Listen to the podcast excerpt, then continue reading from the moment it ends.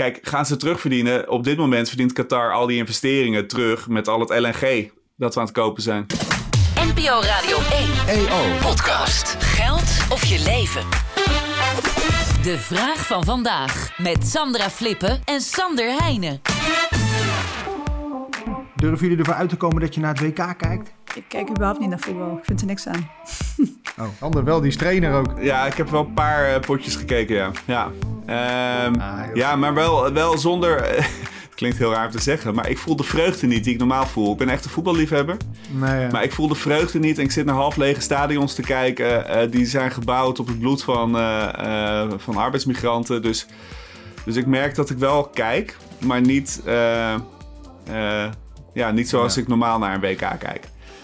Ik, ik herken het. Het is net of je naar een competitiewedstrijd even, even mee- meepakt. Maar Hester heeft een vraag over dat eh, WK. Die vraagt zich af, wat levert een WK een land eigenlijk op? En waarom wil Qatar dat zo graag organiseren? Nou, Alle camera's naar Qatar natuurlijk, hè? Dus eh, je kunt je land profileren, het helpt toerisme verder.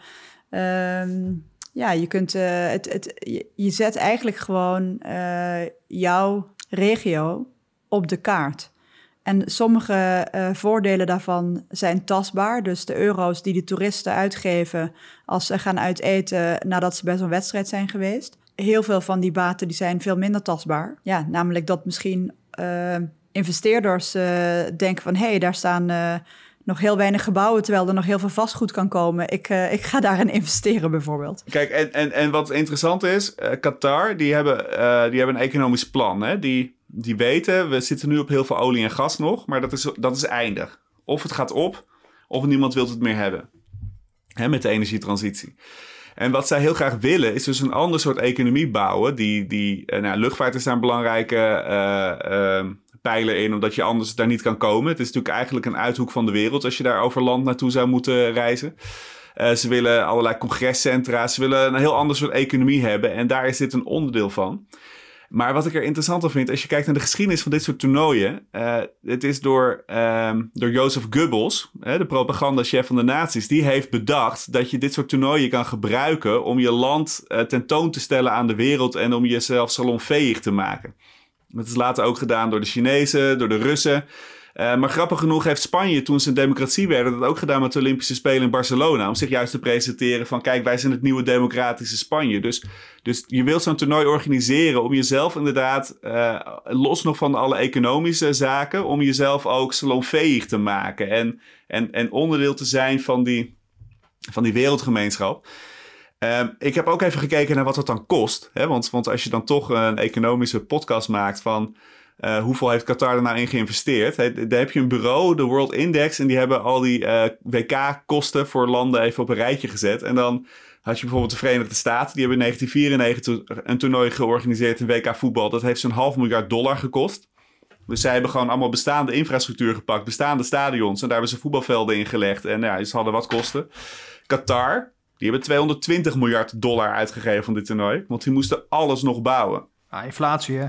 Inflatie, ja, maar die is niet zo groot. Hè? Eh, bijvoorbeeld eh, Brazilië, dat heeft 15 miljard gekost. Ook veel geld, want die moesten stadions moderniseren.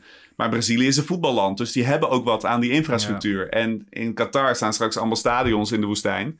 Waar je natuurlijk in feite niks mee kan. Want nou, je ziet al, hè, je organiseert daar een WK en de stadions lopen nog niet vol. Dus mensen hebben daar... Maar de vraag is, de vraag is natuurlijk, gaat het ook 220 miljard binnenbrengen? Want dan spelen ze kiet.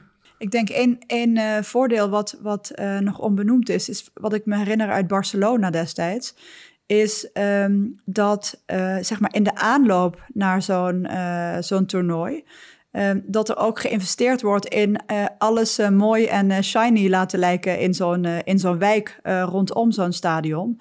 Eh, en daar hebben dan, eh, dus dan worden de huizen opgeknapt, de straten worden gerepareerd, infrastructuur wordt, zeg maar ook leefinfrastructuur voor mensen wordt verbeterd.